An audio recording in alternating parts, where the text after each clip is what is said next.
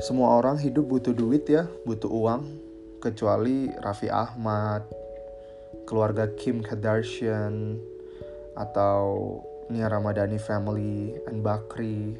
Kalau kayak kita mah, ya we really need money. Jadi banyak dari kita yang nggak pernah tahu apa yang terjadi ke depannya sama kayak COVID-19 saat ini.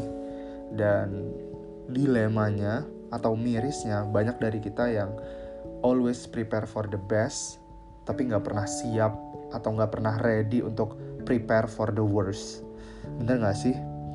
Itu yang aku alami saat ini. Kayak we always prepare for the best. Project A kita pengen hasilnya nanti akan ada 1000 user yang masuk ke satu aplikasi. Project B attendance dari gathering kita harus 150 orang tapi kita nggak pernah tahu kalau the worst thing happen. Ternyata nggak satu pun nge-download aplikasi itu. Ternyata hanya 20 orang yang datang ke acara itu. What's the next? What's the best thing that we can show to people? Kayak gitu kan. Banyak banget dari kita yang we prepare for the best. Misalnya kayak mau interview kita list semua pertanyaan yang mungkin keluar. Kita tahu cara jawabnya gimana kita punya strategi how to respond the answer and the reaction. Tapi kita nggak pernah tahu kalau misalnya tiba-tiba bulan depan gaji kita dipotong setengah atau bulan depannya lagi kita unpaid leave.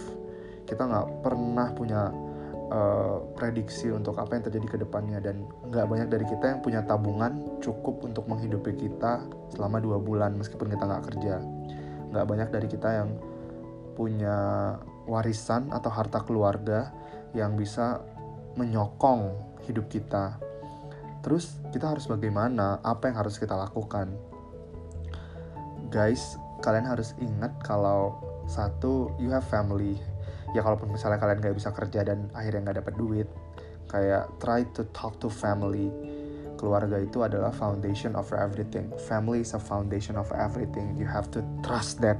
Percaya sama itu Terus yang kedua, kalian harus bisa make sure kalian punya plan B or backup plan. Mungkin teman-teman yang senasib sama saya yang nggak diperhatikan sama pemerintah juga karena kita bukan kalangan miskin, kita cuma kalangan mediocre yang berharap dari gaji bulanan ya ada saving lah sedikit-sedikit dan bisa melanjutkan hidup untuk tiga bulan ke depan. Tapi what's next? What should we do banyak dari kita yang nggak sadar kalau sebenarnya kita bisa kok memonetize sesuatu. Misal you can find freelance everywhere. Ya itu itu kayak itu the best case scenario sih. Kalian punya skill ada freelance yang butuh dan kalian bisa kerja sebagai freelancer. What's next? What's kalau misalnya kalian benar-benar seputus asa itu nggak bisa ngapa-ngapain. Look at around. Lihat aja Instagram Instagram yang mungkin bisa uh, buat kalian tambah inspirasi. Misal kalian bisa mulai jadi youtuber, content creator, Wong KK cuma makeup pakai balon aja viral dan ada pemasukan sekarang jadi endorser. Hai, ini bagus banget, ini keren banget. Kalian juga pasti bisa. Gak ada yang gak bisa. Ya lihat sekeliling aja. Kalau misalnya kalian buntu banget. Kayak kalian cuma bisa main bola. Ya create aja video yang bisa misalnya kalian bisa juggling atau kalian punya tips and trick untuk jadi pemain bola yang keren. Itu juga bisa. I mean like semua hal bisa dilakuin. Banyak banget kok peluang di luar sana meskipun COVID-19 mendera mendera.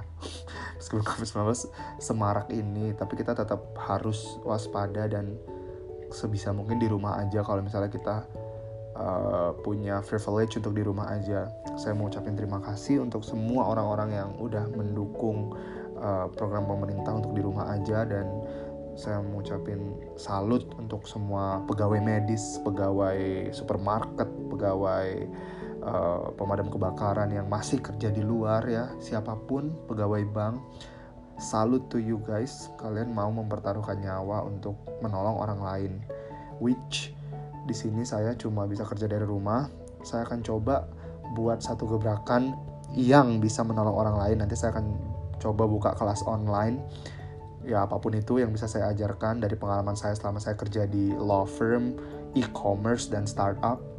Nanti saya coba share ke kalian dan kalian harus tetap semangat juga yang kuat menjalani hidup ini semoga kalian bisa lebih baik lagi ke depannya ya. You have to try to prepare for the worst ya. Coba bayangin hal buruk yang terjadi dan you have to prepare what's the plan. Itu intinya ya. Kalau misalnya kalian merasa satu produk yang kalian luncurkan dan kalian harus dapat 1000 user dan ternyata cuma 10 user, ya you have to make sure kalau 10-10-nya itu berkualitas. Kalau misalnya kalian buat acara gathering dari 150 yang datang cuma 10, ya buat acaranya semenarik mungkin supaya 10 orang ini bisa cerita ke orang lain kalau acaranya itu keren. Kayak gitu. Kalian harus nabung, harus bisa punya saving yang seenggaknya tanpa kalian bekerja saving itu bisa menyelamatkan kalian sampai dua bulan ke depan saya tahu ini nggak akan mudah saya tahu ini cuman ya you would have say you just bacot ya everyone did bacot anyway but my bacot somehow uh, willing to help you gitu aja sih. Thank you so much yang udah dengerin. Nanti saya buatin podcast berikutnya kalau saya ada waktu.